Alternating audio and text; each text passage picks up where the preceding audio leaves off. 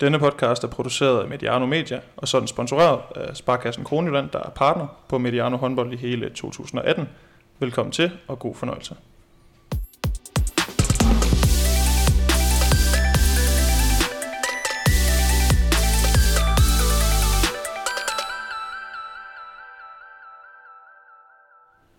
Du lytter til en øh, podcast fra Mediano håndbold. Mit navn er Emil Halkier. Jeg er i dag drønet halvanden time, stik vest på, nærmere betegnet Skjern, hvor en af byens fortabte sønner er vendt hjem på sommerferie for det franske. Den fortabte søn, det er dig, Morten Vium Troelsen. Velkommen til Mediano håndbold. Jo, tak. Du er fra Skjern, har spillet Liga håndbold i Skjern og i Ribe Esbjerg, før du for to sæsoner siden drog på eventyr i udlandet, kan man vist godt sige at skifte til nu skal jeg passe på med mit franske, US Ivry i den franske liga. Var det, var det rigtig ramt? Det var rigtig ramt. Og det skal vi selvfølgelig snakke, snakke en del om i dag, og vi skal også uh, snakke om, hvordan det har været, hvilke overvejelser du gjorde dig, inden du tog afsted, og hele det her forløb op til. Og så skal vi snakke om, om to sæsoner, der har været vidt forskellige. Uh, der har blandt andet været nogle skader, som jo selvfølgelig altid er en træls ting at løbe ind i. Uh, fordi den første sæson gik jo, man tager næsten sige som smål, kan man ikke godt sige det? Det kan man godt sige. Det, det gik over al forventning og så den anden sæson, hvor du har været lidt uheldig med nogle, med nogle skader. Øh, så det, det snakker vi lidt om, men ikke så meget, tænker jeg. men øh, så tænker jeg også, at vi måske kan give nogle, nogle gode råd, eller nogle, nogle pejlemærker til nogle af dem, som måske står og tænker lidt over, skal jeg prøve det her udlandseventyr, skal jeg prøve at søge ud fra Trykke Danmark, som jeg skrev på vores Facebook-side. Øh, så det kan vi måske også komme lidt nærmere. Men, men allerførst, Morten, når man ligesom bor og spiller i udlandet, hvad betyder det så egentlig at komme hjem på sommerferie? Det er altid dejligt at komme hjem til Danmark igen. Øh, jeg forsøger hver gang, jeg har muligheden, øh, hvor vi har nogle dage eller en uge, øh, og så ellers i sommerferien, at komme hjem til Danmark. Egentlig for at få, også for at komme hjem og se alle ens øh, venner og familie. Øh, selvfølgelig kan det også være stressende en gang imellem, at du kommer hjem, og det, altså, det er nærmest planlagt, at du skal se de og de personer i løbet af den tid, du har hjemme, men det er altid dejligt at komme hjem. Det er altid dejligt at komme hjem til Danmark og, og få dansk mad igen. Og så er der også nogle øh, podcastfolk, der lige pludselig trænger sig på. Det må være det er et presseprogram, du har. Hvor tit er du egentlig hjemme? Sådan, øh, nu vi jo, sidder vi jo i skærn hos dine øh, forældre. Øh, pff, I år har det ikke været særlig meget. Der har jeg været hjemme til jul. Og så det her det anden gang, jeg er hjemme. Øh, I løbet af hele sidste sæson. Øh, men ellers den første sæson var jeg hjemme 3-4 gange, øh, tror jeg. Fordi at vi havde en meget venlig træner, der, der kunne give os fri, sådan at det var på hvor vi kunne få fri en uge, i stedet for at i den her sæson har det mest bare været en tre dage her, tre dage her, hvor det ikke har givet nogen mening at, at egentlig tage hjem. Så du har spist meget råbrød, siden du kom hjem? Ikke endnu, ikke endnu. Øh, min kæreste har heldigvis været glad for, når, vi har, når hun er kommet ned i løbet af nogle, i weekenderne og sådan lidt at købe råbrød i lufthavnen. Så, så der kørte det sådan 3-4 dage streg, og så var det egentlig også så blev man også hurtigt træt af det, for at komme ind igen. Men det var altid dejligt at få brød. Og nu øh, skal jeg jo skynde mig at sige, at du har jo disket op med det helt store bord med både kage og chokoladeboller. Og øh, lige en venlig reminder til Rasmus Bøjsen næste gang han inviterer på besøg. Rasmus, der er overlæggeren, den er sat højt, så jeg håber, du lytter med, fordi der er virkelig noget at leve op til, hvis vi en dag skal gæste håndboldhulen i, i Esbjerg igen. Øh, men øh, inden vi ligesom går ind i de her to sæsoner, du har spillet i fransk håndbold, og hvilke erfaringer du har gjort der, så kunne jeg egentlig godt tænke mig at skrue tiden lidt tilbage til 2016. Øh, I starten af januar, der tager du lidt en chance, hvis man skal kalde det det, og, og gøre brug af en, en klausul i din kontrakt, der ligesom gør, at øh, hvad skal vi sige, udløbsdatoen på din kontrakt, den går fra sommeren 17 til at være sommeren 16. Hvorfor gjorde du det?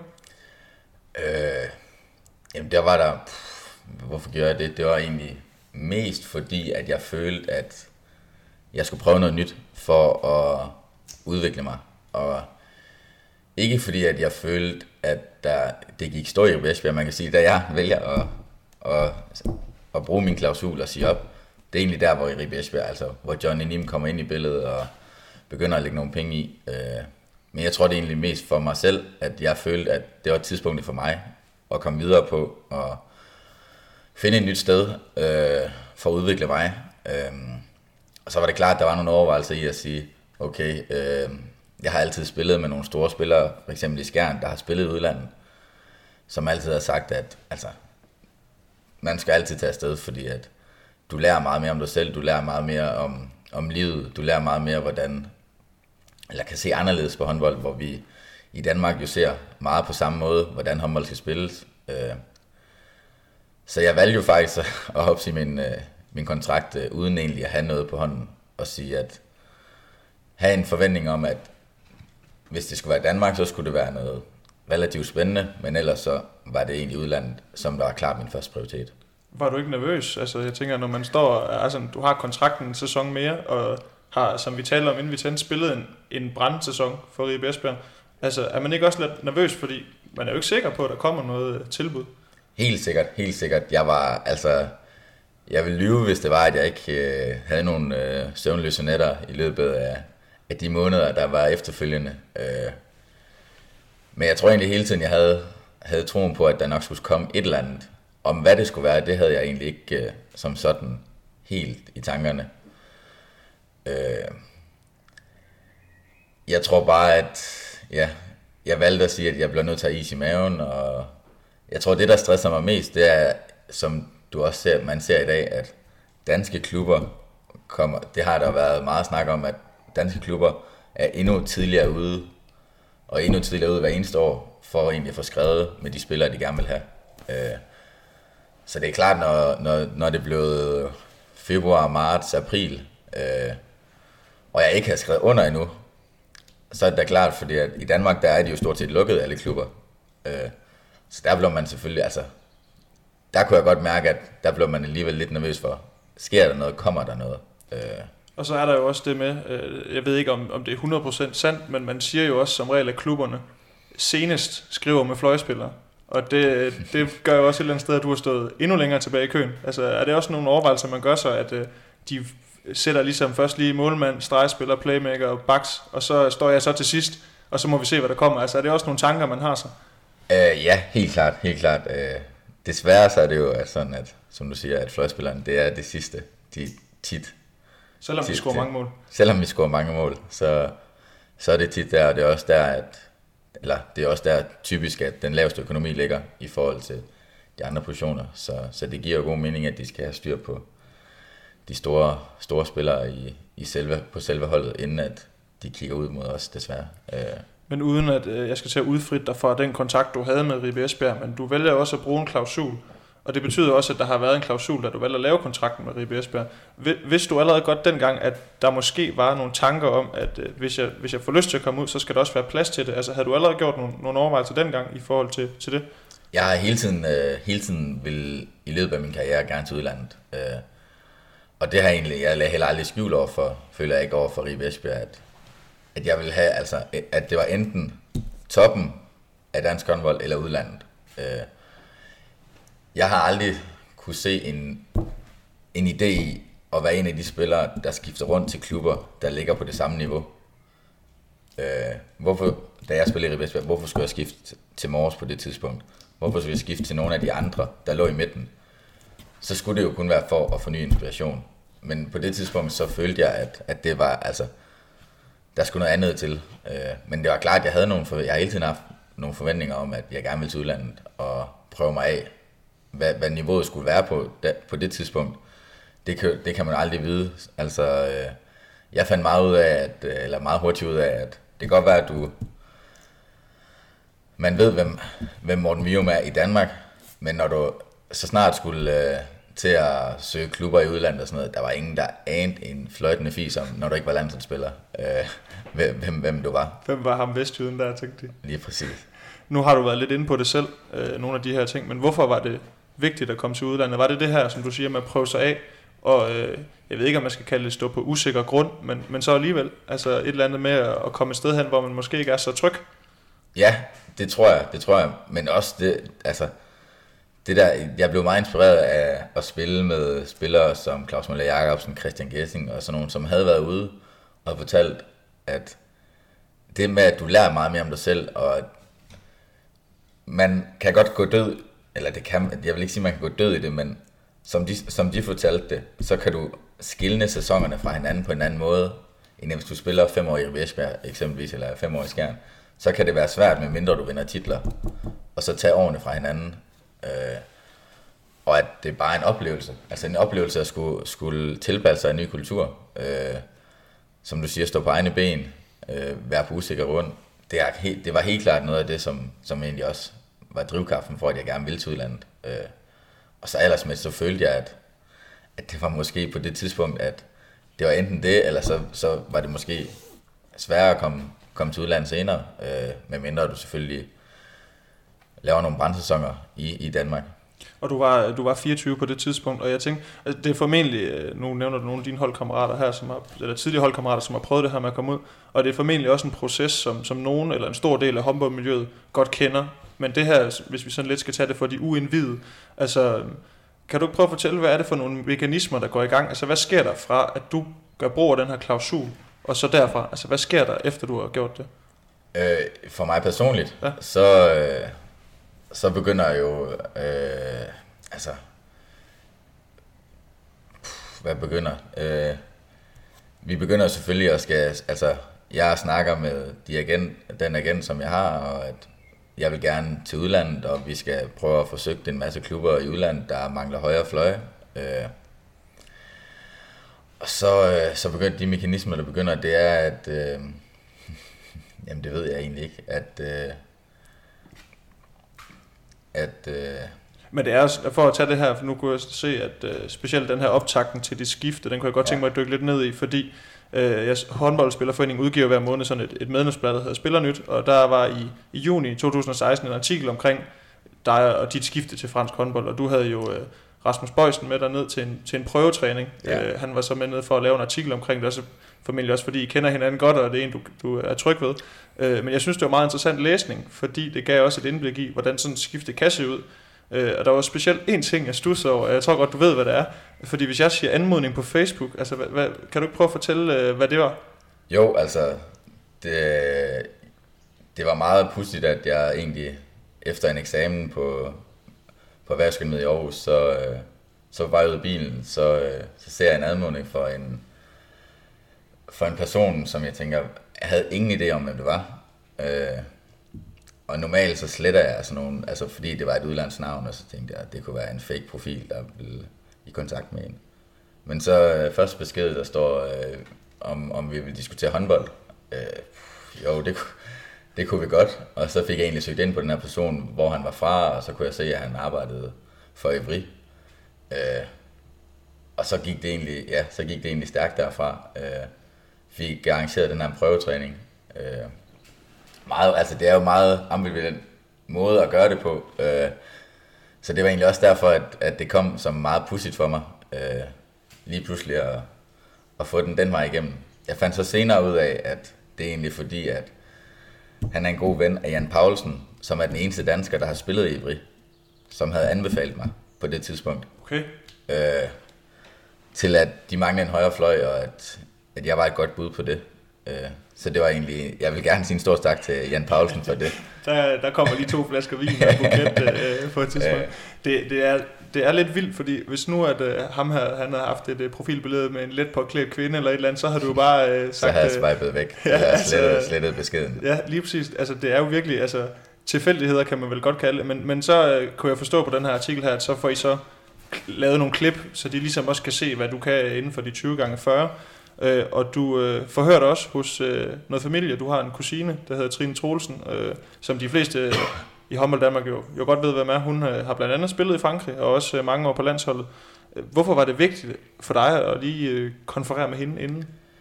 Øh, det var klart, at man skal jo vide, hvilke mekanismer og hvilke kulturforskelle der er, og hvordan, altså, hvordan at selve systemet fungerer, fordi vi er jo så privilegeret i Danmark, at der er styr på alting. Øh, og Frankrig er en meget mere laissez-faire, har en meget mere lasfærre tilgang til tingene. Og det er klart, at der var nogle ting, man skal have på plads inden.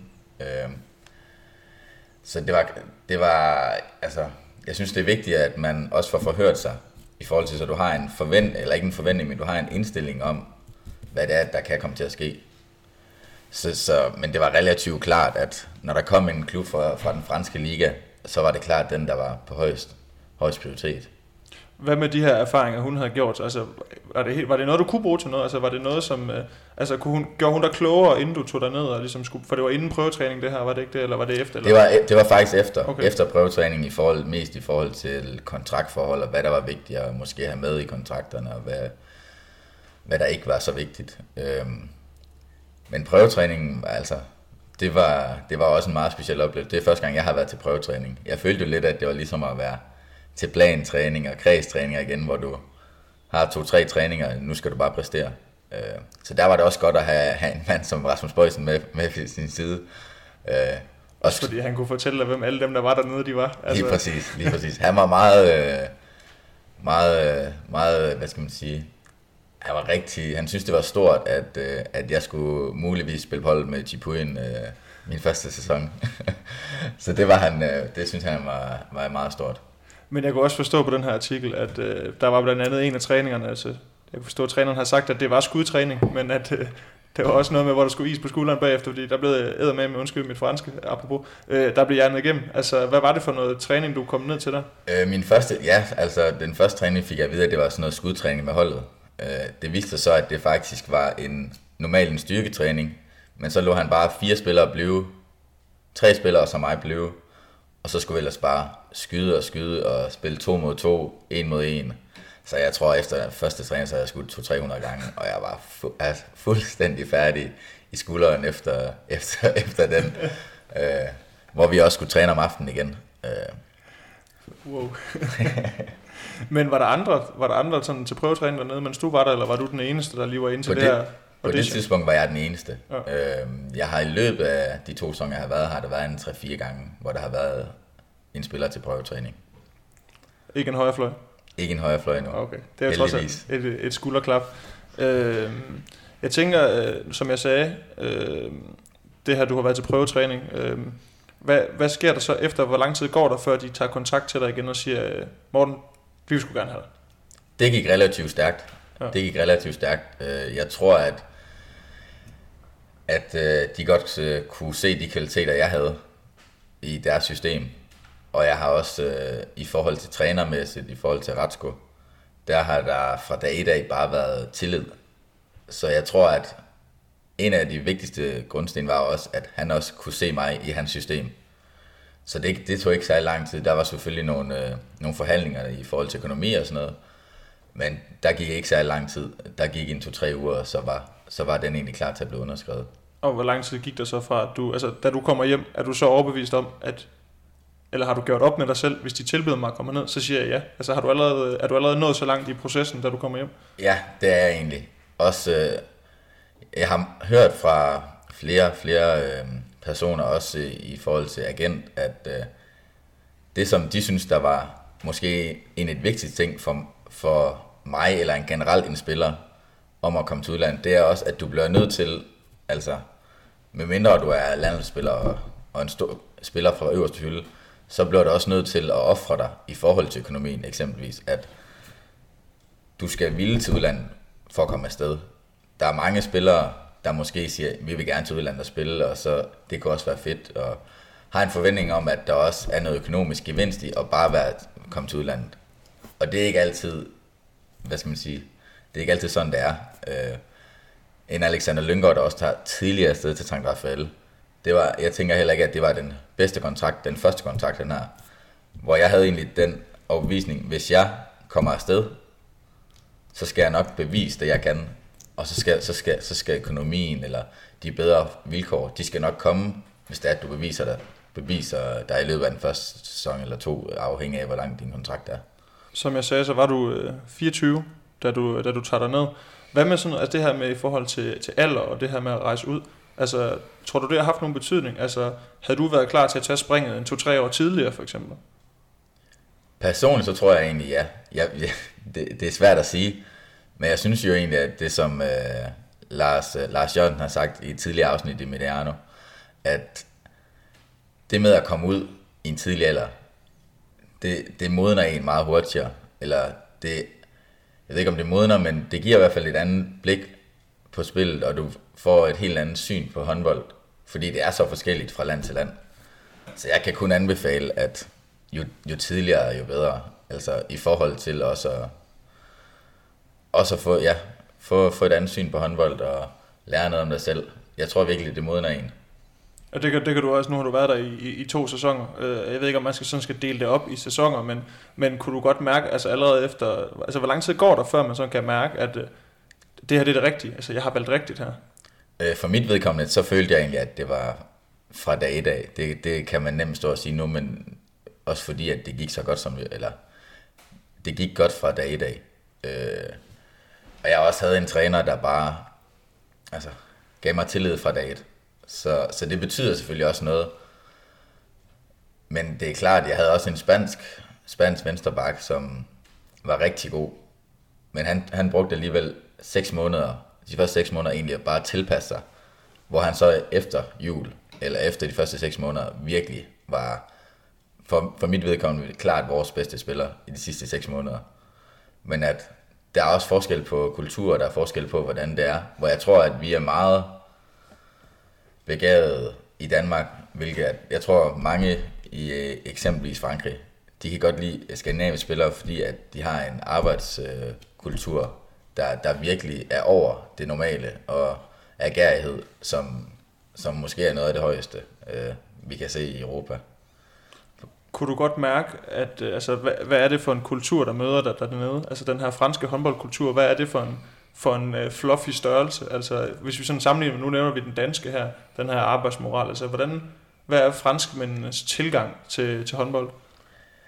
Jeg kan selvfølgelig kun tale ud fra Ivry, ja men det er klart, at du har nogle unge spillere, som, altså, du har nogle, hvad skal man sige, fysisk, så har de nogle andre øh, forudsætninger end, end danske håndboldspillere. De er meget, altså nu har, jeg, nu har jeg også, altså mange af dem er, er sorte og har nogle andre geniske, hvad skal man sige, øh, fysiske øh, forudsætninger. Så det, på det fysiske, eller hvad skal man sige, i et styrketræningslokale, så er vi i Danmark sådan meget langt foran i forhold til det fysiske øh, styrkemæssigt. Men i forhold til eksplosivitet, der er franske spillere øh, langt foran. Langt foran. Øh, vi træner også rigtig meget eksplosivt hele tiden. I forhold til Danmark, der har jeg været vant til, at du, du skal træne tungt for det meste. Hvor her, der er det meget mere eksplosive øvelser, det er meget mere agility i løbet af opvarmningen, eller bruger hele træninger på, at vi bare skal lave løbeteknik, eller hurtighedstræning i, i, i al almindelighed. Hvad med, altså, som nu har jeg siddet i, hvad skal vi kalde den, håndboldhulen i Esbjerg, og snakket med Rasmus Bøjsen også omkring det her. Han har jo, som du også ved, øh, hvis der er en håndboldspiller, han ikke kender, øh, så er det ikke en håndboldspiller, der eksisterer. Altså han kender jo de fleste, har også fulgt med meget i fransk håndbold, ja. og der talte vi meget omkring den her talentmesse i Frankrig. Og, og vi har også set, at du har også spillet på U-landsholden. Altså, de her årgange, der bliver ved med at komme, og de bliver ved og ved og ved med at spytte kæmpe talenter ud nede i Frankrig. Altså, hvad er det, de gør så godt, altså, efter det, hvad skal man sige, hvad, hvad har du set dernede, som de gør så godt, fordi udover at spise hvidt brød og drikke stærk kaffe, altså, så, så må de også kunne et eller andet Altså, hvad ja. har du oplevet dernede? Altså, hvad, hvad, hvad for nogle knapper drejer de på, som er rigtige? Øh, altså, de, de bruger i hvert fald... Øh, altså, jeg tror, det der med, at de, øh, de bliver hentet ind som... Jeg er ikke 100% på systemet, men de bliver jo hentet ind som 13, 14, 15-årige i de her centre eller formation centre, som alle ligaklubber de skal have. Og bliver egentlig skrevet kontrakt med dem fra, fra det tidspunkt. Og så træner de jo en så gang om dagen, øh, hvor de øh, altså hvor det kommer så meget, de, de bruger så meget tid på det fysiske, på det, på det eksplosive, øh, for at få dem lært at spille håndbold. Altså hvor, på det punkt, hvor jeg synes, at de er langt efter, det er klart på, på vurderingsspillet, på pasningsspillet, som, som vi i Danmark er mestre. Fordi at, altså, der kan jeg stadigvæk stå på, til flere træninger i løbet af en uge, og stå og tænke, hvordan kan I ikke lave en bak aflevering i fart nogle gange? Hvor jeg tænker, i Danmark, det er det, du lærer som junior og yndlingsspiller til uendelighed. Øh, men hvad de gør, hvad de gør, jeg ved det ikke. Øh, jeg tror, at, øh, at de har, øh, de har selvfølgelig også, altså, når de skriver om alle de her spillere, de har også mange flere håndboldspillere, de har mange, de bruger rigtig meget tid på at få rigtig dygtige trænere på de her centre. De bruger rigtig lang tid på at få lavet en strategi, i hvert fald i Ivry, der bruger de lang tid på at få lavet en strategi for, hvad er det, vi gerne vil udvikle, hvad er det, vi gerne vil bruge de næste fem år på at finde ud af. Jeg var jo så heldig som øh, at spille mod Elohim Prandi, øh, som måske er, i hvert fald i forhold til U-landsholdet nu, er det klart største talent, og har spillet virkelig en stor sæson. I den her sæson spillede allerede, kom ind som, hvad var han, 18-19 år, det første sæson, jeg, den første sæson, jeg var der, og skulle dække frem i en 3-2-1, øh, eller en 5-1, eller dække klar to fordi han simpelthen var så dygtig allerede på det tidspunkt. Så jeg ved ikke, hvad det er, de gør som sådan, men de bliver jo bare ved med at, at, at sprøjte talenterne ud. Øh. Det er jo skra- det er næsten skræmmende, ikke? Altså, det når man det. ser de her franske, franske ulandshold, hvad de præsterer. Øhm, nu øh, over i, øh, nu har vi jo Mediano håndbold, vi har også en, en del af butikken, der er en fodbolddel. Øhm, og der er noget, der hedder Fodboldministeriet, som er, det kan jeg lige give en anbefaling til dem, der lytter med. Et super fedt program. Øh, en giftig trækløver med, med Sture Sandø, Christian Voldny og så øh, Lars Jakobsen, øh, landsholds Lars, øh, som jo har spillet på det danske fodboldlandshold, og også har været på flere udlandsophold, blandt andet i fransk fodbold. Og der er en af de udsendelser, hvor han taler lidt omkring de her mekanismer, der går i gang i en fodboldklub, når der kommer en udlænding. Altså fodboldklubber er en, en helt anden størrelse, lad os lynhurtigt blive enige om det. Det er vel nærmest kun øh, Paris øh, Saint-Germain øh, håndbolddelen, som ja. kan måle sig op mod nogle fodboldklubber, hvad angår setup og sådan nogle ting. Øh, men, men hvad sker der i en fransk øh, håndboldklub, når du kommer dertil som dansker? Kan du ikke prøve at fortælle lidt om det? Altså, hvordan bliver du modtaget, og hvad gør de for, at du føler dig tilpas? Øh, Ivri var måske ikke det bedste eksempel på det. Øh, men vi, øh, da jeg havde skrevet under, så øh, blev vi egentlig out, lavede vi en aftale, at jeg skulle komme ned og se på nogle lejligheder og sådan. Klubben har nogle lejligheder til rådighed til spillere. Man fandt hurtigt ud af, at det var ikke det bedste. Øh, jeg havde en grædende kæreste øh, fra det første, øh, første lejlighed, vi så, fordi det var kæmpe bygning, hvor der står fire store sorte folk, og der står og ryger has ud foran indgang, så kommer en lille blondine gående der. Øh, det var ikke lige noget for hende at op på 14. etage, uden, øh, uden altan eller noget som helst. Øh, så i forhold til lejligheden var det ikke den bedste start på det. Vi øh, tog hjem fra det her ophold, og havde ikke nogen lejlighed på det her tidspunkt. Øh, men for heldigvis, klubben var god til at hjælpe en til at via mailkorrespondence og, og få fundet en lejlighed, som egentlig vi synes til sidst var, var rigtig god. I forhold til, øh, til en, en integration, så, så synes jeg faktisk, at de har været gode øh, til, at vi fik undervisning relativt hurtigt. Øh, og også bare til at føle sig velkommen. Det synes jeg egentlig, de har været gode til. Ivri er også en meget familiær, familiær klub øh, med meget store traditioner. Det er den klub efter Montpellier, der har vundet flest mesterskaber historisk set. Det er selvfølgelig, altså, deres sidste mesterskab, tror jeg, var i 2007-2008 med, med den klart største stjerne på det tidspunkt, Luca Ballot, øh, som også er fra Ivry. Øh, så man kan godt mærke den der familiære tilgang til tingene, og det, internt i hvert fald er der en kæmpe historie bag, og det kan man tydeligt mærke, at der, der er det. Øh, så på den måde, så var det relativt nemt for os at, at falde til, synes jeg. Selvom vi egentlig havde relativt, der, eller den første sæson, eller begge sæsoner, har der været relativt mange udlandske spillere. Du har jo, øh, din kæreste tager med dig ned og bor dernede i starten, er det de første otte måneder, hun blev boende, ja. og så er der noget med noget studie og noget arbejde. Øh, men hvad, hvad gjorde det af forskel, at du ikke var alene, men at du havde hende med dernede? Det gjorde det helt klart lettere. Øh, øh, men udfordringen er selvfølgelig også, at, at fra Danmark, hvor du har nogle venner rundt omkring, så fra nu af, så er det bare os to, der står på egne ben. Og for hende var det jo også et kæmpe spring for at skulle skifte Danmark ud. Og selvfølgelig havde hun sin skole og skulle skrive sit speciale, men også en helt ny hverdag for hende.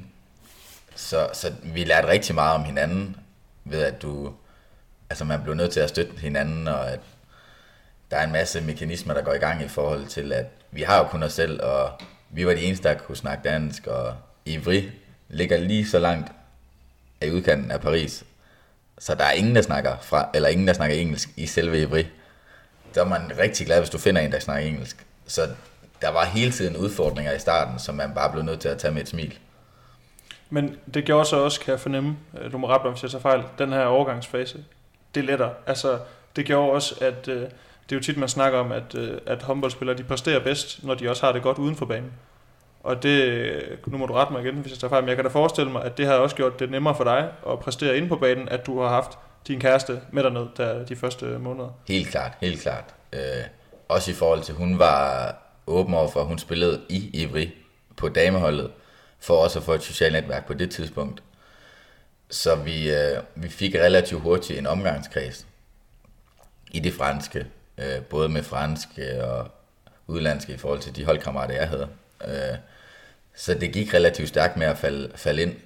Det var klart, at de første to-tre uger af måned var, var vi meget os selv, men det gik relativt stærkt efter, at du, øh, du får en omgangskreds. Der er jo det her med at opfå de her rytmer og rutiner til at køre, det her med at opbygge sig en, en hverdag. Altså, hvor lang tid gik der, før du selv ligesom betragtede det liv, du havde dernede, som en normal hverdag?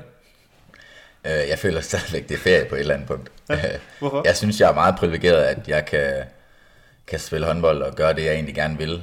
Og gå ture ind i Paris og egentlig helt refleks øh, står og siger, om der er Eiffeltårnet ved siden af, eller Louvre, eller et eller andet. Så jeg synes, at for mig er det stadigvæk en oplevelse, og, og en, jeg vil ikke sige en ferie, men, men det er jo altså en, et eventyr, der kører lige nu, øh, som man ved er på lånt tid. Så man prøver hele tiden at nyde, nyde det længste, eller det meste af det. Men nu siger du det her med, at det er stadigvæk sådan lidt en, øh, jeg ved ikke om du kan kalde det sådan en drøm, du ikke lige har vundet op fra endnu, men, men hvad så med det her med at være selvkørende? Altså hvor lang tid går der fra, at de kommer ned til, at, at du sådan synes, I er forholdsvis selvkørende, at nu siger du, der er nogle sproglige ting også, ikke? Ja. Altså, hvor lang tid går der før øh, man kommer der til, til I synes, at okay, nu, nu kan vi sgu egentlig godt klare os selv, uden at der lige er nogen fra klubben, der lige skal hjælpe os med øh, mobiltelefoner, eller bankkonti, eller så videre, så videre? Øh, jeg har stadigvæk... Øh, ikke endnu. Men, ikke endnu på det punkt, øh, men det er fordi, at der er simpelthen så mange regler og ind, indviklede ting i forhold til Frankrig og papirarbejde. Jeg har aldrig været et land, hvor der er mere papirarbejde og flere dokumenter, der skal underskrives for alt muligt ligegyldigt. Så, så der er en, ikke relativt ofte, men så snart at jeg har et brev, jeg ikke helt forstår, så går jeg gladeligt ned til klubben og spørger vores administrationsdame, som heller ikke kan snakke engelsk, men det går godt nu, fordi at jeg, kan begå mig på det franske, og giver hende øh, det ene brev efter det andet, og siger, er det her vigtigt eller ikke? Ej, det her det er ligegyldigt, så ud med det, ud med det. Øh, og så andet, så er hun rigtig høflig til at hjælpe mig med det. Hvor god er du til fransk nu? Ikke fordi jeg vil have dig til at begynde at snakke fransk, men hvor god? Altså, sådan, jeg synes, det er okay. Jeg synes, det er okay. Øh, hvis man skulle sætte det ind i sådan en, en gymnasiel, altså sådan A, B, C niveau, altså hvor... Øh... Altså jeg plejer at sige, at jeg kan forstå 90% øh, af, hvad de står og siger. Selvfølgelig er der noget i forhold til accenter, om du er i nord, syd, øst eller i Paris, og noget med hurtighed. Øhm, men jeg vil sige 90%, og jeg snakker relativt. Jeg snakker relativt fint, vil jeg sige. Ikke flydende i forhold til Mikkel og Alexander, som har været dernede i lang tid. Øhm, men jeg kan, jeg kan begå mig. Og når dommerne, øh, når det er med dommer, så er det kun 20%, du forstår, eller så, så skruer du lige lidt ned for det. Lige præcis.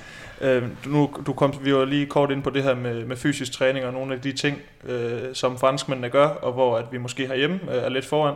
Øh, hvad med i forhold til dig selv? Altså, hvordan har du, har, du, har du rykket dig fysisk, siden du tog dig ned? Det synes jeg faktisk bestemt, jeg har. Det på en anden måde, i forhold til, at jeg synes, jeg er blevet meget mere eksplosiv.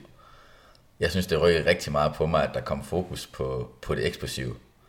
Det overraskede mig meget, hvor meget det rykkede, hvor jeg måske sådan noget i nogle sprinttest og sådan noget, var meget i midterfeltet, fordi at vi havde så hurtigt øh, små, jeg vil ikke sige, altså sorte unge spillere, som virkelig bare kunne løbe til, øhm, til at jeg er med i topfeltet nu. Så, så det der med at have fokus på de ting, det var for mig, øh, har, har udviklet mig rigtig meget på det fysiske. Og gå måske, nu, nu er det dumt at sige, men gå lavere ned i vægt. øh, for at egentlig at ikke måske have den der samme, samme fysiske styrke, men have, have det eksplosive. Ej, det med de tungvægte, det kommer vi tilbage til senere, det ved jeg godt, du ikke. Men øh, hvad med sådan noget som, øh, som kost? Altså, det er ikke noget, som man altid har brugt så meget krudt på herhjemme i de, i de hjemlige ligeklubber. Jeg ved, at det er noget, man bruger mere krudt på nu.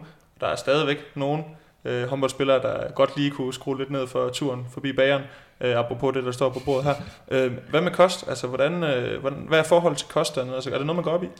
Nej, jeg har aldrig været, og det er også noget, jeg har fra Mølgaard af, faktisk. Vi snakkede om det, at unge spillere, når du står op om morgenen der inden en vigtig kamp, eller vi har det, der hedder kollation øh, tre timer før en kamp, hvor du, vi mødes på et hotel, inden hvis det er en hjemmekamp. Øh, og, får, og der det er udelukkende bestående af hvidt brød, noget chokolademælk eller noget pulver, chokolade i noget varm mælk og croissanter og kaffe. Det er mange af de franske spillere, det er de rigtig glade for, og jeg forstår det stadigvæk ikke, hvordan at det kan lade sig gøre, at de kan spille en så vigtig kamp på så lidt mad. Øh, jeg ved selvfølgelig ikke, hvordan det er i andre klubber, men jeg ved for, for Mølgaard også, han, øh, han sagde, at han var, han var meget overrasket over, hvordan at de unge øh, franskmænd, de, de kunne spille 60 minutter på croissant og noget chokolademælk. Det giver jo et eller andet sted ingen mening overhovedet. At, øh, nej, jeg, jeg vidste ikke, jeg tænkte bare, at det, det kunne jo godt være, at man var foran ja. der i det, men det, der kører ikke så mange grøntsager ind. Inden, ikke, ikke, ikke på det punkt. Jeg er, hver eneste gang vi har udkampe, så, så bestiller jeg separat hvad skal man sige, ris og kylling til det der kollation, fordi at jeg skal have, jeg har været vant til at spise sådan relativt 3-4 timer før kamp. Øh, der kan jeg ikke leve med en hvid baguette eller en croissant øh, med lidt ost på eller noget, noget skinke. Der skal jeg have et ordentligt måltid. Øh. De, men du har jo lært at drikke kaffe dernede, har du fortalt? Det har jeg, det har jeg, det er jeg blevet glad for. Hvad ellers, altså hvis man sådan ser på, øh, nu har du haft en hverdag herhjemme også, som, øh, som professionel håndboldspiller kontra en hverdag i Frankrig. Altså hvad er ellers de store forskelle, når vi sådan snakker hverdag, altså rytme og sådan nogle ting? Jeg synes, det er, der har været det største, men så kommer vi tilbage og snakker turneringsstruktur igen, at jeg synes, at det er meget mere resultatorienteret hele tiden. I og med, at det er en livet turnering. Så du skal være der hver gang til kamp, hvor i Danmark er der meget mere proces. Selvfølgelig har du en opstart i Frankrig, sådan, hvor vi får lavet det der procesorienteret. Øh, men jeg synes, i løbet af, af en uge, så har vi mange flere taktiske træninger i forhold til den modstander, vi skal spille mod. Selvfølgelig har vi også noget procesorienteret i forhold til noget individuelt, men det er meget mere resultatorienteret, fordi at du skal vinde hver eneste gang, hvis det er muligt, fordi at det er en livet turnering. Fordi hvor, ellers kan du stå ligesom Montpellier øh, lige præcis. og tabe et fransk mesterskab. Lige præcis. Altså, vi, øh, altså, jeg kan huske, at den allerførste sæson, vi kommer i vores første hjemgang, der slår vi Montpellier, hvor de nærmest udtaler, at sæsonen er halvfærdig for, for deres vedkommende, for at skulle vinde, fordi de taber til Ibri i anden runde på udebane. Så, så vigtigt er det for dem hele tiden at skal vinde hver gang. Det er også derfor, det er klart en større ting, føler jeg, hvis du slår et af de store hold i Frankrig i en livsturnering, kontra at vi i, jeg kan huske, jeg tror det var i december måned, mit sidste år i Ribersbjerg, slår Kolding, Aalborg, BSV i en december måned, hvor det er fedt for os, fordi vi, vi har vundet de her kampe, men reelt set, så har det ingen betydning i forhold til, at de er i slutspillet lige meget hvad. Øh, så på den måde, så træningsmæssigt, så synes jeg, at det er meget mere resultatorienteret i forhold til i Danmark, er vi meget mere i proces i løbet af en hel sæson. Hvad kan du egentlig bedst lide? Altså, jeg, jeg fornemmer, at du også har en lille forkærlighed for den her livsstruktur, eller er det... Det, det jeg har altid, altså jeg, jeg tror så, det kan vi snakke om i 100 år, ja. at jeg tror stadigvæk, Danmark er bedst tjent med at have et slutspil og de finale og semifinale kampe, som er. Fordi at Danmark gerne vil se, i Danmark vil du gerne se de finaler. Men jeg, jeg er blevet mere tilhænger af den liveturnering. Også i forhold til, til, at det er dem, som vinder. Det er dem, der har fortjent at vinde. Men egentlig også det der med, at jeg føler i hvert fald, at der er større pres hele tiden, som jeg godt kan lide. Og det med, at du skal vinde. Eller du skal, altså, jamen, jeg vil ikke sige, at vi skal vinde, fordi vi er jo ikke på den måde som PSG og sådan noget, som skal vinde alle kampe. Men der er stadigvæk en forventning, når vi spiller på hjemmebane, så skal vi helst vinde næsten lige meget hvad, fordi at vi er et rigtig godt hjemmebanehold. Og det er der forventninger til fra, altså fra klubbens side af. Så det synes jeg er fedt, at du, når du vinder, så er det på et større hvad skal man sige, be, øh, grundlag, end det er, hvis du vinder en ligegyldig kamp i december måned i Danmark. Fordi dem du møder øh, hvis du møder Montpellier, kæmper om et mesterskab allerede i december måned, der, eller, i, eller i anden runde, som øh, det var tilfældet med jer. Øhm, jeg kunne godt tænke mig at snakke lidt om din træner, som øh, du kunne fortælle øh, ikke skal være træner næste år i Ivry. Øh, en serber, Rasko, ja. Øh, Stefanovic, øh, som jeg ved, at Bøjsen var helt op og køre over, dengang I var dernede. Øh, en, ja. en træner, der tidligere har vundet Champions League, øh, og også øh, spillet i Sælge, synes jeg, du... Sælge har han spillet i. Øh, hvad, hvad er han for en størrelse? Øh, jeg har jo haft, altså, Violo Kosovac, eller Kos, øh, i Skjern, som er den der meget gamle Balkan-serber, som kører struktur, struktur, struktur, hierarki, højt hierarki, øh, så er Ratsko en helt anderledes type. Jeg tror, at han har simpelthen haft det Balkan under huden i så mange år, at han er meget mere diplomatisk, meget mere stille og rolig, har stadigvæk det der serbiske temperament selvfølgelig, men jeg vil faktisk sige, at han er mere skandinavisk orienteret i forhold til hans ledelsesstil, end for eksempel Violuk var. Øh, så, så for mig var det også en af grundene til, at det var måske nemt at falde ind. At der ikke var den der store forskel. Og så kvæg, at han har spillet i så store klubber og har vundet Champions League og altid haft et stort øh, ansvar på de hold, han har spillet på, så, øh, så var der noget respekt for ham fra start af. Øh, som også, altså for mig er det klart, den bedste taktiske træner, jeg har haft. Øh, han kan se så mange små detaljer i spillet, som jeg synes er fascinerende, som, altså man kan sige, jeg tror, grunden til, at vi måske ikke var bedre, end vi var, det var, at vi havde spillere i øh, uh, Ivry, som ikke var kloge nok til at spille det spil, han gerne ville spille. Uh, jeg tror, hvis han får et, en af de sådan store hold, hvor han har spillerne omkring sig, så kan han godt uh, lave store ting med det. Men, men som du siger, lidt en fordel for dig måske, altså nu snakker vi om transitionsfase, det her med at komme til en ny ja. klub i et nyt land. En fordel at få en træner, som måske alligevel har nogle referencer til den skandinaviske, skal vi kalde det trænerstil måske. Det synes jeg, det synes jeg, eller i hvert fald den moderne trænerstil. Øh, også det der, som jeg snakker om før, at fra dag et af, så stol, altså, han sagde til mig fra dag et af, at selvom der var faktisk på det tidspunkt to andre højrefløje, så spiller du lige meget hvad. Og hvis du ikke spiller godt, så sætter vi bare en ekstra stregspiller ind, så spiller vi med to stregspillere, fordi vi også havde to fine stregspillere, blandt andet Tipuyen, som, som altid kunne gå ind og gå tilbage og dække en fløj, hvis det var det. Øh, så, så på, det, på, det, på den baggrund, så, så følte jeg mig egentlig allerede, hvad skal man sige, ikke sikker i min sag, men at du hurtigt opbygger noget selvtillid via den her ledelsesstil, han gav til mig i hvert fald, øh, der gjorde, at, at jeg egentlig også bare spillede godt fra, fra start af. Havde du gjort op med dig selv, altså inden du tager dig ned, at hvad nu hvis jeg kommer ned, og der ikke er den her tillid, og at, øh, at der er lidt mere modvind, end det, der, der viser sig at være? Altså hvad havde, hvad havde du gjort, tænkt dig et scenarie? Altså fordi det er vel også en del af det, det kan jo godt gå mindre smooth, end det har gjort for dig. Helt sikkert, helt sikkert. Altså, jeg havde ikke nogen forventninger, inden jeg tog det ned, faktisk. Jeg tror måske også, det var måske et af de gode ting ved, at man blev overrasket over, at du egentlig får den her tillid i forhold til, at du kommer der ned og så føler, at nu skal du bare være stjernen, eller starte og spille fuld tid. Øh, det havde jeg faktisk ikke. De forventninger havde jeg ikke på det tidspunkt. Så, så det var jo bare fedt, at man så også, altså du skal selvfølgelig også, når du får tillid, så skal du også gribe den. Så, så på den måde, så, så kræver det også noget af en selv, men inden jeg tog det ned, havde jeg ikke nogen forventninger om, at det var sådan, som at det er blevet der var jeg fint tilfreds med at sige deltiden, eller hvad det var på det tidspunkt, fordi jeg jo netop ikke kendte på samme måde styrkeforholdet på de andre spillere. Selvfølgelig havde jeg været til prøvetræning, så jeg vidste nogenlunde, hvad de kunne og ikke kunne, men jeg havde ikke et indblik i, om hvor meget de spillede, og hvor store de var, inden jeg kom derned.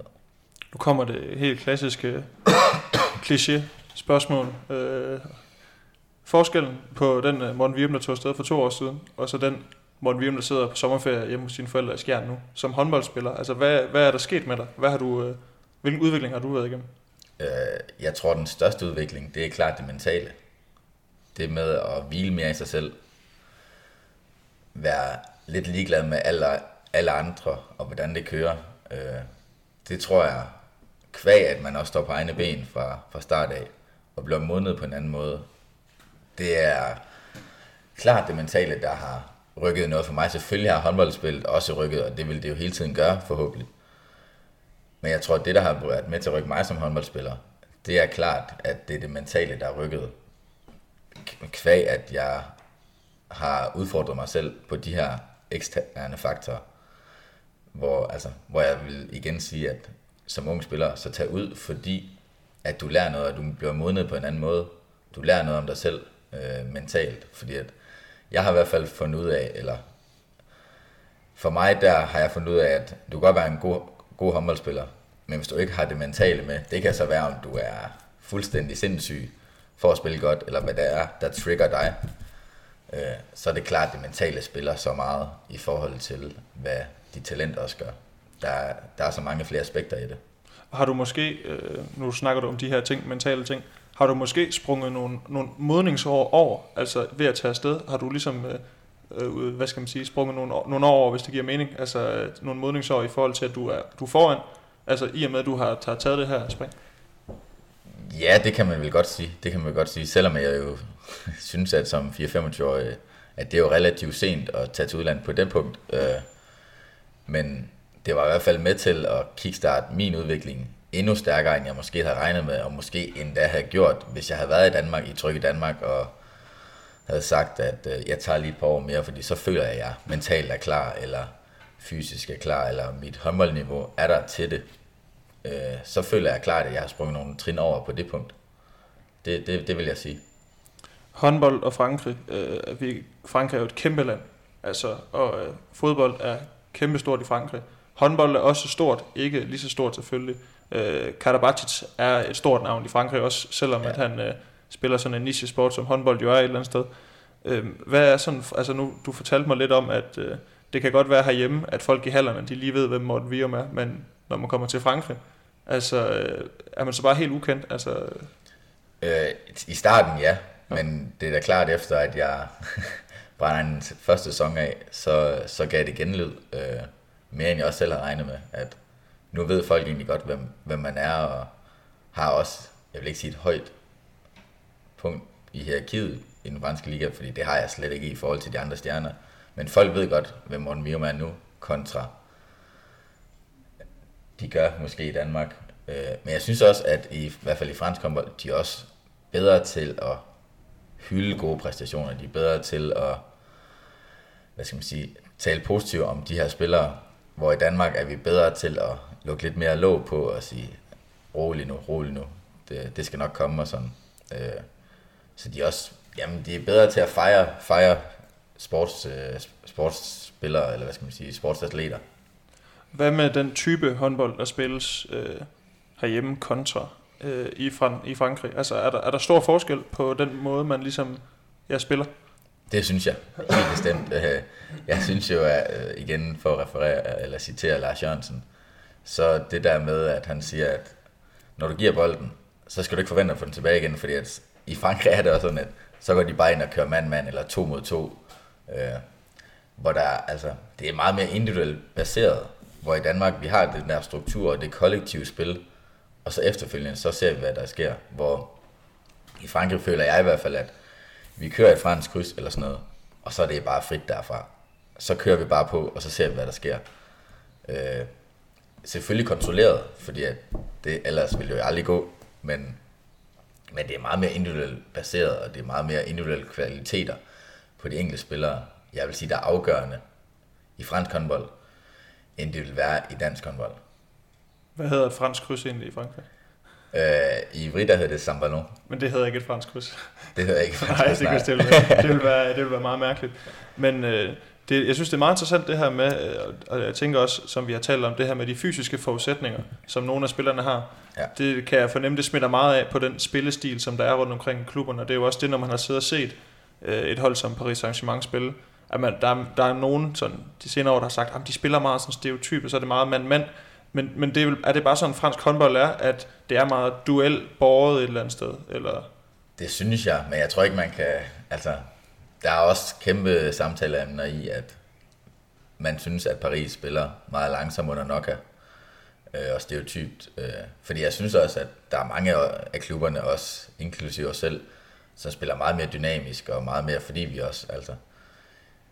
Det, det, jeg tror, det er spilsystemet i Paris, der har gjort, du kan også se til Final Four, at et hold som Nantes og Montpellier, især Montpellier, som virkelig spiller med tempo og flot og, hvad skal man sige, øh, tabte jeg den helt på dansk, men videre spillet, Ja, øh, for hele tiden at være, være dynamiske i spillet. Øh, så, så jeg tror faktisk, i forhold til Paris, så er det deres spillestil, som jeg tror ændrer sig rigtig meget efter de får nye trænere til næste sæson. Ja. Men det er jo også, uh, Montpellier, det var også et rigtig fedt hold at se Helt til Final Four. Jeg tænker også, at du har siddet der, nu sidder du og spiller i en fransk klub. Altså, hvordan har, hvordan har franskmændene egentlig haft, nu har der været den her franske fest i Køln, altså tre hold til Final Four. Øh, hvordan har man talt om det? Fordi det er jo også uhørt, at det, det sker. De har været rigtig glade for sig selv. det jeg godt tro. De, øh, de, var, de har været rigtig glade for at fremhæve sig selv på det punkt, men det tror jeg også er typisk fransk. Det, altså, jeg kan næsten ikke bære, hvis nu at Frankrig skal vinde det verdensmesterskab i fodbold, fordi at det er næsten umuligt at, at og så slå Danmark også. Ja, der var heldigvis en, lidt ro på, da jeg kommer ned i sommeren, hvor Danmark vinder OL i håndbold. Der var der heldigvis lidt ro på, på det. Men altså, nu er det jo, i Frankrig er det jo i hvert fald den bedste liga i verden, ifølge dem selv. Så, så på den måde, så, så har de været rigtig glade for, at det har været tre, tre franske hold til Final Four. Øh, jeg tror heller ikke, at jeg tror ikke, det kommer til at ske lige forløbet igen. Nej. Men, men det er da klart, at den franske liga er jo i en udvikling, og en progressiv, progressiv udvikling, som synes er fedt. Det er også derfor, at jeg synes, at den franske liga er et fedt sted at være. Også derfor, at jeg vælger at forlænge et år mere med Ivry, fordi at jeg synes, at den franske liga er bare i udvikling lige nu. Der er jo også øh, flere danskere, der er begyndt at, at kigge den vej. Øh, nu øh, tager Markus Mørk så, så den anden vej hjem fra, fra Frankrig til, til Skanderborg, men øh, Jonathan Mollerup, øh, dig, øh, Lyngård, øh, Mølgaard, Mikkel Hansen, ja. øh, for at nævne øh, de dem, jeg kunne komme i tanke om. Der er sikkert en enkelt et andet sted. Øh, snakker man sammen, sådan danskere i Frankrig? Eller, altså nu, nu bor du i, i udkanten af Paris. Øh, ikke, jeg har i hvert fald ikke været god nok til det, tror jeg ikke. Øh, nu har jeg også, altså nu er det mest Mikkel og Mølgaard, der bor tæt på, men de har simpelthen sådan et presprogram i forhold til os, og plus du har, man føler også lidt, at du lever en lille boble i forhold til, at jeg lever i Vri, og jeg lever sammen med mine holdkammerater i forhold til, at så jeg, ikke godt nok, vil jeg sige. At jeg, selvfølgelig, når man er til kampe og sådan noget, så er det jo ligesom om, at, altså, ligesom når vi ser herhjemme, at Balkanfolkene, de møder hinanden, og, altså, så snakker man. Og jeg har jo også spillet for eksempel med Alexander, Alexander Lyngård i, øh, på ungdomslandsholdet. Så jo, selvfølgelig snakker vi sammen, når vi møder hinanden, og spillede med Mølgaard i Skjern. Jeg kunne godt tænke mig at tale omkring de her to sæsoner. Nu har du så lige øh, rundet den, den seneste dag og er hjemme på sommerferie. Øh, og det er jo ikke nogen hemmelighed, det har været sådan to forholdsvis forskellige sæsoner. Ja. Øh, og det altså den første, som, som du også selv sagde, altså man kan godt sige, at du tog Frankrig med storm, uden at det overhovedet er nogen underdrivelse. Øh, eller, øh, fordi altså, du bliver nummer tre på topscore-listen, øh, laver 152 mål, skyder også nogle straffekast selvfølgelig, øh, men, men snitter over 5,5 mål øh, per kamp, og bliver udtaget til at skulle spille en All-Star-kamp også øh, i den franske liga. Øh, inden jeg går den der All-Star-kamp, altså, hvad var det egentlig for en oplevelse? Jeg tænker, det må have været rimelig vildt. Det synes jeg var fedt. Det synes jeg var fedt. Øh, det blev spillet i Bercy, hvor jeg mener finalen, der var jo lige været slutrunde i Frankrig den, øh, i den januar måned, hvor, hvor All-Star-kampen, eller Handstar-kamp, Handstar Game, som det blev kaldt, øh, blev spillet lige efter, øh, Øh, hvor der er plads til, jamen, jeg tror det er 10-12.000, hvor i og med, at Frankrig vandt den slutrunde, det gjorde også klart, at billetsalget blev bare lige det, det vildere. Altså, de, øh, der var stort set ikke fuldt hus, men der var i hvert fald en 10.000. Øh, jeg synes, det var en spændende oplevelse. Øh, selvfølgelig i forhold til, at du spiller med, for mig, kæmpe stjerner ved siden af, med, med Mikkel og med øh, Melic øh, og sådan, altså Svisse, som spiller i Ribesbjerg nu. Det var, det var en kæmpe oplevelse, selvfølgelig er det det. Øh, og så respekt, hvad skal man sige, præsentere Ivry på, på den måde. Ja, fordi øh, den her første sæson, øh, som jo er ret vild, øh, er du overrasket over, altså den her, at, at det gik så godt? Altså, jeg ved ikke, om det, om det er lidt frækt at spørge sig, men altså, at, at det gik så godt i den første sæson? Det var jeg. Ja, det, det vil jeg sige, jeg var. Øh, og jeg var også meget, altså det er igen det der med, øh, at jeg følte, at jeg egentlig klikkede fra start af. Øh, hvor vi snakker om, at Juan de Lacum, vores spanske spiller, bruger alligevel 6 måneder på at tilpasse sig den franske kultur. Øh, så var det klart overraskende, at du, øh, du en, altså at jeg, jeg havde så god en sæson. Det bliver jeg nødt til at sige. Øh, det synes jeg, det var. Og det var egentlig ikke som sådan, at det, jeg opfattede det nærmest ikke før sæsonen var færdig, fordi jeg følte bare, det kørte. Øh, så på den måde, og jeg havde selvfølgelig en masse straffekast, som selvfølgelig også skal scores, men, men jeg synes bare, at spilstilen, det passede bare til, at det kom sådan naturligt. Det kom naturligt, at, at jeg fik lavet en masse mål. Så det var ikke noget, jeg tænkte som sådan over, men når man alligevel ser tilbage på det, så var det jo en vild sæson over al forventning, vil jeg sige. Det var det. Du kan ikke gemme dig bag de straffekast der, fordi udover det, altså din procent, som hvis du trækker straffe fra, var 73 procent i den første sæson. Ja. Som fløjspiller, godkendt. Ja. Kan vi vel godt hurtigt Det- blive enige om. det synes altså, jeg, at du er så beskeden, det er vi er virkelig i Vestjylland. øhm, men jeg tænker også, altså, det her med, som vi har også talt om, om man er indstillet på, hvis det ikke går godt, øh, og du ikke rigtig måske havde, altså, du kastede dig egentlig bare lidt ud i det måske. Øh, hvordan, altså, nu har vi snakket om, hvorfor du tror, det gik godt, men hvordan det her spil, I spiller, altså hvorfor passer det godt til dig? Fordi altså, der er selvfølgelig en masse strafkastsituationer, de kommer jo øh, ja. et eller andet sted af, af sig selv i gåsøjne, især hvis man spiller meget med stregspillerne. Ja. Men du kommer jo også til mange andre chancer. Altså, er det fordi, I løber meget kontra, eller, eller hvordan bidrager du ligesom i spillet på, på holdet? Vi var, vi var i hvert fald den første sæson, var vi, øh, jeg synes selv, at vi havde et rel- relativt godt forsvar, så i og med, at vi havde et godt forsvar, så løb vi rigtig mange kontrabolde. Og det var klart kontrabolde, fordi at, jeg vil sige, jeg var da også meget utilfreds. Det tror jeg, alle, hånd- alle fløjspillere er, at der ikke kommer nok udspil. Øh, men jeg synes nogle gange, at det faktisk var ekstremt, at jeg tror, jeg havde talt til i fire kampe i streg, der havde jeg fået i snit et udspil per kamp. Men alligevel have lavet en 7-8 mål, fordi at vi har straffekast, og vi har, har en masse kontra. Og det er jo klart, at straffekast er en større del i fransk håndbold end dansk håndbold, fordi at spillestilen er anderledes. At det, I og med, at du spiller meget mere med stregspilleren, og kontra at du spiller med, øh, med struktur.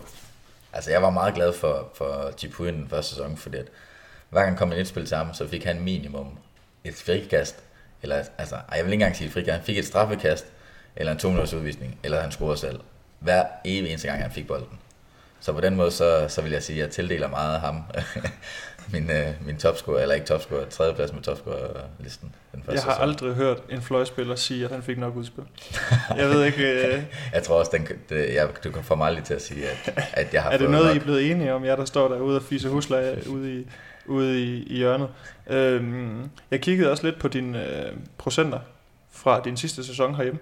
Ja. Jeg tænkte, øh, nu har vi snakket om, at du fik en god, god overgang til fransk håndbold, og det, det viser procenterne også, fordi du er du eksekverer på et højere niveau i fransk håndbold, end du gjorde herhjemme. Det var i forvejen altså fine scoringsprocenter. Du lå på, øh, jeg mener det var 78% fra straffe øh, i Ribesberg, og så øh, f- omkring 65% sådan overall. Så stadigvæk øh, over, langt over godkendt. Øh, men hvordan kan det være? Fordi jeg tænker, at den franske liga må være bedre. Øh, I hvert fald øh, især i toppen.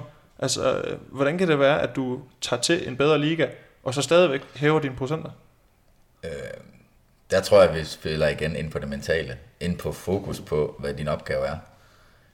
Øhm, fordi jeg synes, at fordi jeg synes ikke, man kan snakke om... Jeg synes, at der er meget forskel på målmands stil, men om den franske stil, fordi at der er alligevel mange udlandske målmænd i den franske liga, tilpasser mig bedre, det ved jeg ikke. Øh, jeg tror, at det er det der med, at jeg har udviklet mig mentalt på at have fokus i løbet af en hel kamp måske, eller at det mentale spiller mere ind i forhold til at være fokuseret, når du afslutter, kontra det måske har været, da det var i Danmark, i forhold til den her modningsproces, som vi snakker om før. Øh, og så igen, at der måske er flere kontra, kontramål, kontra der er fra fløjen af. Det er jo klart, at du har en større procent, når du skyder, øh, eller at du har et kontraløb, kontra når du skyder fra fløjen af. Øh, så jeg ved faktisk ikke, øh, hvad der har gjort, øh, at jeg har bedre procenter i den franske liga. Men øh, bemærkelsesværdigt alligevel, at, øh, at de er steget også, også så meget. Øh, vi kan ikke komme udenom den, den her sæson 2. Øh, og det er egentlig øh, fordi, jeg, altså, hvis man ser på tallene, øh, øh, første sæson spiller du 26 kampe, i, i sæson 2 spiller du 13 kampe. Øh, din, dit snit per kamp er stadigvæk over 5, så det er ikke fordi, det ikke er, er godt.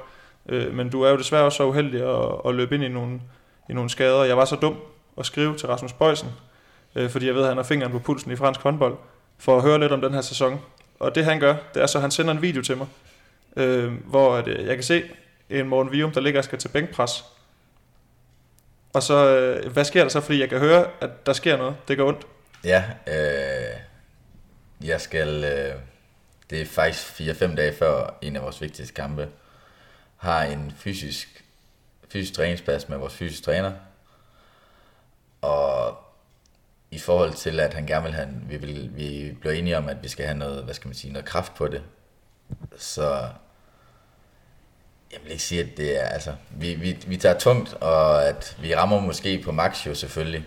Øh, så da jeg skulle tage, tage bænkpres, så, øh, så føler jeg, at jeg tager den ned, og da jeg skal til at, og, hvad skal man sige, pusse, øh, pusse Øh, presset pressen ja. op, øh, så føler jeg egentlig, at han, han står og holder den nede, hvor jeg så kigger på min højre skulder, og den sådan ligger nede, ude af led, kan man sige, eller føler i hvert fald ude af led, hvor vi så får den op og finder ud af, at jeg har sprunget delvist øh, min, øh, hvad skal man sige, ledbånd i brystmusklen, og rykket øh, selve, selve ledbåndet en smule. Så, så det, var, det var meget åndssvagt. Heldigvis så, øh, så var det en operation, der var relativt øh, let at få lavet, og også gør, at jeg kun skulle være, i gåsøjne, kun skulle være ude i, i to-tre måneder. Så, så det har heldigvis gjort, efter, i og med at vi har sommerferie nu, at jeg er fuldstændig klar til næste sæson. Men på det tidspunkt var jeg meget indebrændt på mig selv over, at jeg skulle tage så tungt.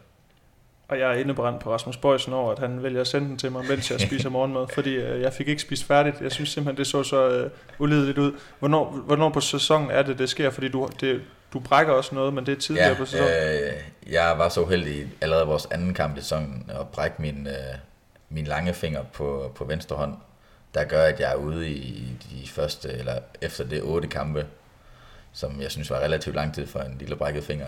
Men, øh, men jeg er otte kampe og kommer egentlig tilbage, som du siger, og er, er i rigtig god form. Også da det her sker med, med skulderen, er i rigtig god fysisk form og i spil, god spilleform. Så jeg var rigtig indebrændt på, at jeg synes, det var nok, at jeg havde brækket fingeren og været ude i så mange kampe, at jeg så dummer mig på det her, øh, og så ikke kan spille de sidste fem kampe. Det, det synes jeg var relativt åndssvagt.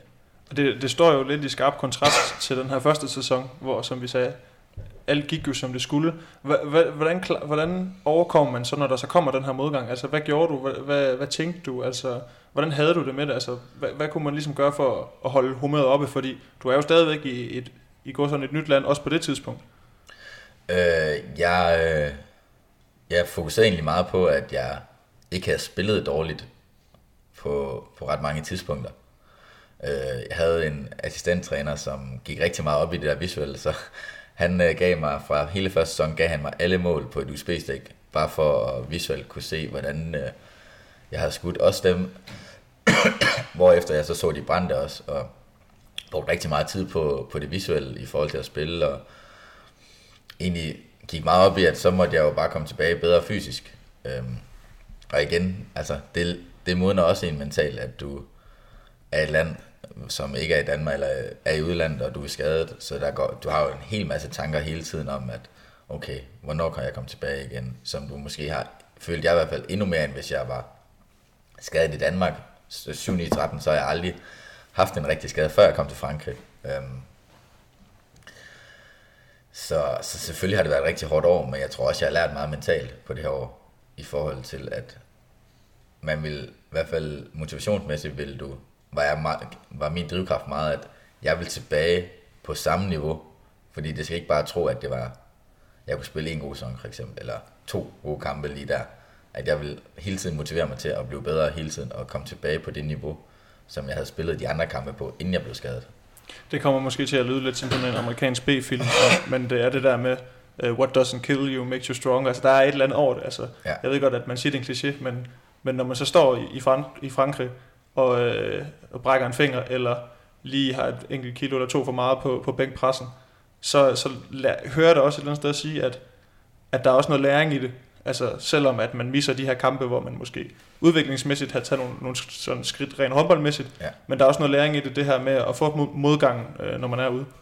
Det, det tror jeg helt klart, det tror jeg helt klart, og det, jeg kan jo ikke tale med, jeg kan i hvert fald tale, altså for alle og generelt, men jeg kan tale for mig selv, at, at det, det har i hvert fald modnet mig på en anden måde, end at det gør, hvis der er. Selvfølgelig taber jeg noget udviklingsmæssigt, håndboldmæssigt på det punkt. Øhm, men at det igen, for at komme tilbage til det, som jeg har sagt hele tiden med, at det har modnet mig mentalt i løbet af, at du også får den modgang på det punkt. Du øh, tog dig ned på en toårig kontrakt, og har så øh, i sidste sæson forlænget den et år yderligere. Ja. Øhm, hvornår kommer det her med en forlængelse ind i billedet? Altså, hvornår begynder det at være en ting? Øh, det kom relativt hurtigt. I forhold til forlængelsen var vi faktisk allerede i sommerferien i gang i forhandlingerne i forhold til en forlængelse. Øhm, og jeg var på det tidspunkt, øh, kunne jeg godt se mig selv stadigvæk spille i Ibri, fordi jeg synes, vi havde et relativt rigtig godt hold den første sæson. Vi havde virkelig rigtig mange gode spillere.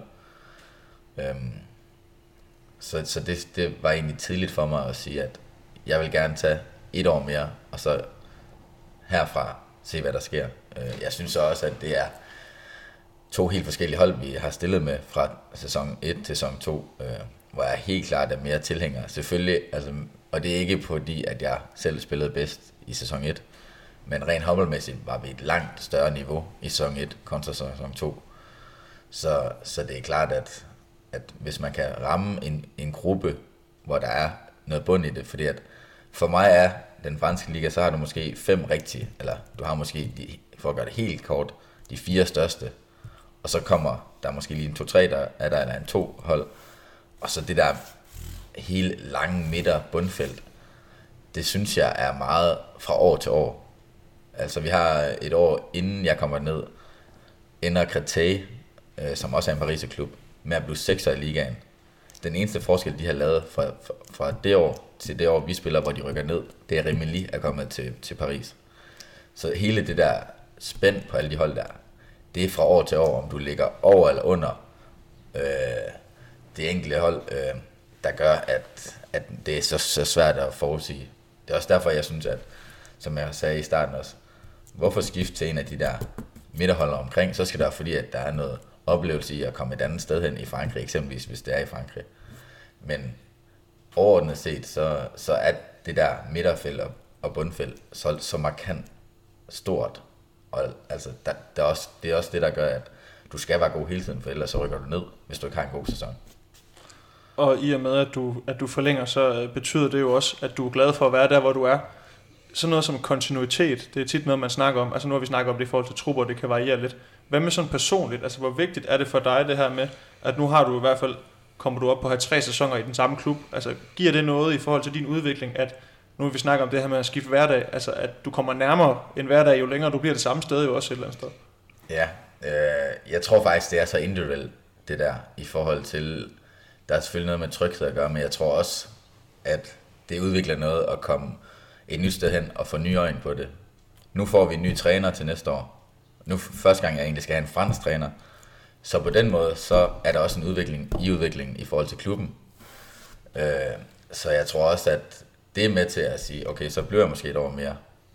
I forhold til, selvom jeg var rigtig, rigtig glad, og jeg er stadigvæk ked af, at Ratsko ikke er der næste år, fordi at jeg synes, han er en dygtig træner. Men det der med at få nye øjne på hele tiden, og, og egentlig få, få andre syn på, hvad håndbold er, det er også med til at udvikle en, tror jeg. Så det, altså, det er så meget individuelt, om du øh, udvikler dig bedst i, øh, i trygge rammer, eller om du udvikler dig bedst i, i kaos, eller i nye ting hele tiden. Og der er vist uh, rigelige muligheder for at finde kaos rundt omkring i, i håndbold Europa, hvis man skal være til det. Jeg kan altså personligt skrive under på, at jeg med min kæreste prøvet at tage til Grækenland. Øh, det kan ikke anbefales. Det er, det er godt nok et sindssygt land, der er fyldt med tzatziki og korrupte klubpræsidenter. Øh, det er ikke det, det skal handle om. Øhm, jeg tænker også, at nu, jeg ved ikke, jeg har ikke rigtig så meget andet tilbage, men, men jeg fornemmer, at, at du har været glad for det her spring, du har taget. Øh, og jeg, nu, nu skal jeg ikke lægge ord i munden på dig, men det virker heller ikke til, at du lige er hjemme inden for de næste par år. Nej. Altså det er selvfølgelig øh, svært at snakke om, jeg skal ikke tvinge dig til at, til at sige et eller andet, men, men det virker også til, at du tilpas i den her øh, hverdag, det her liv som, som udlandsprof. Det synes jeg er. Øh, jeg har i hvert fald sagt til mig selv, eller også til min kæreste, i forhold til, at hun jo også har et erhverv, øh, at når vi tager hjem, så er det fordi, vi tager hjem. Øh, om det er om et år, det ved jeg ikke, men jeg vil meget gerne skrive i hvert fald minimum en, en kontrakt, som har en vis varighed, inden at jeg vil sætte sådan ud mod Danmark. Øh, rent personligt mål i hvert fald. Øh, og så også fordi, jeg nyder at være ude. Jeg nyder at, at opleve nye ting. Jeg nyder at opleve nye kulturer. Og man kan sige, at Paris er så stor en by, så det, det bliver du sgu aldrig færdig med. Der, kan, der er hele tiden nye ting, små nye øh, restauranter, du kan, du kan finde og, og sådan. Øhm, så nej, jeg føler ikke, jeg er klar til det endnu. Det gør jeg egentlig ikke. Men er det også noget med, nu er du jo 26 nu, det her med, at du er jo ikke i din, din bedste håndboldalder endnu. Altså, du har ikke toppet, plejer man jo at sige. Øh, og vi kan også se nogle af højrefløjene, øh, dem vi har på landsholdet. Øh, altså, nogen kaldte dem dinosaurerne. Øh, det synes jeg var lidt frækt, men, men altså, der, der er jo mange gode år i, i håndboldspillere, og, og folks karriere bliver også længere og længere, for nogen i hvert fald virker det til. Er det også et eller andet med, at du gerne vil se, hvor du kan være, når du, når du er på top, hvad du kan ude? Altså, er der også et eller andet i det, at du går og, ser frem mod, at øh, en eller anden formtop, altså, eller jeg ved ikke, hvad man skal kalde det. Ja, altså det, jeg har egentlig hele tiden haft det der med, at jeg vil spille for det bedste hold muligt, jeg kan.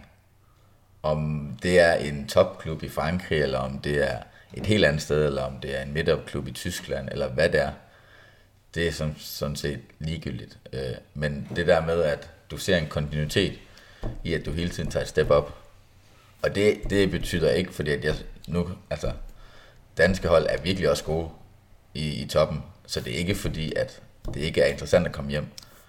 Jeg tror bare, jeg har i hvert fald den holdning på nuværende tidspunkt, at hvis jeg tager hjem, så er det fordi, jeg tager hjem. Så er det ikke for, at jeg skal tage hjem, og så tage ud igen. Fordi at det, det, det tror jeg ikke er den bedste løsning for mig på det tidspunkt, eller på nuværende tidspunkt. Og med det nåede vi øh, i mål. Vi har været omkring mange ting. Jeg er i hvert fald blevet klogere. Jeg tror også, der er rigtig mange, der er blevet klogere på, øh, hvordan man lige skifter fra dansk, øh, både til fransk håndbold, men også det her med at komme ud. Øh, fordi øh, det er jo ikke altid lige en verden, man lige kan få et indblik i. Og der sker jo mange ting, har du også kunne fortælle.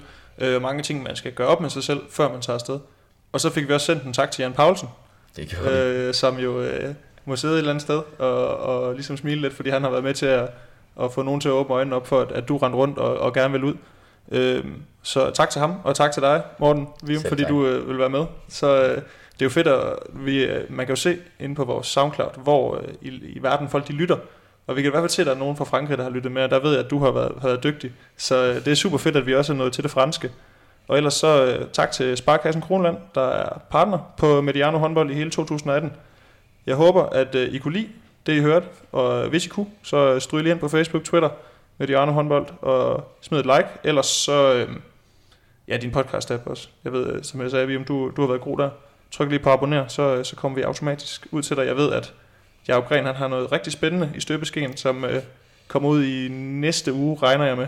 Så øh, der er noget at glæde sig til. Ellers så er der igen at sige en øh, tak for i dag, og vi lyttes ved.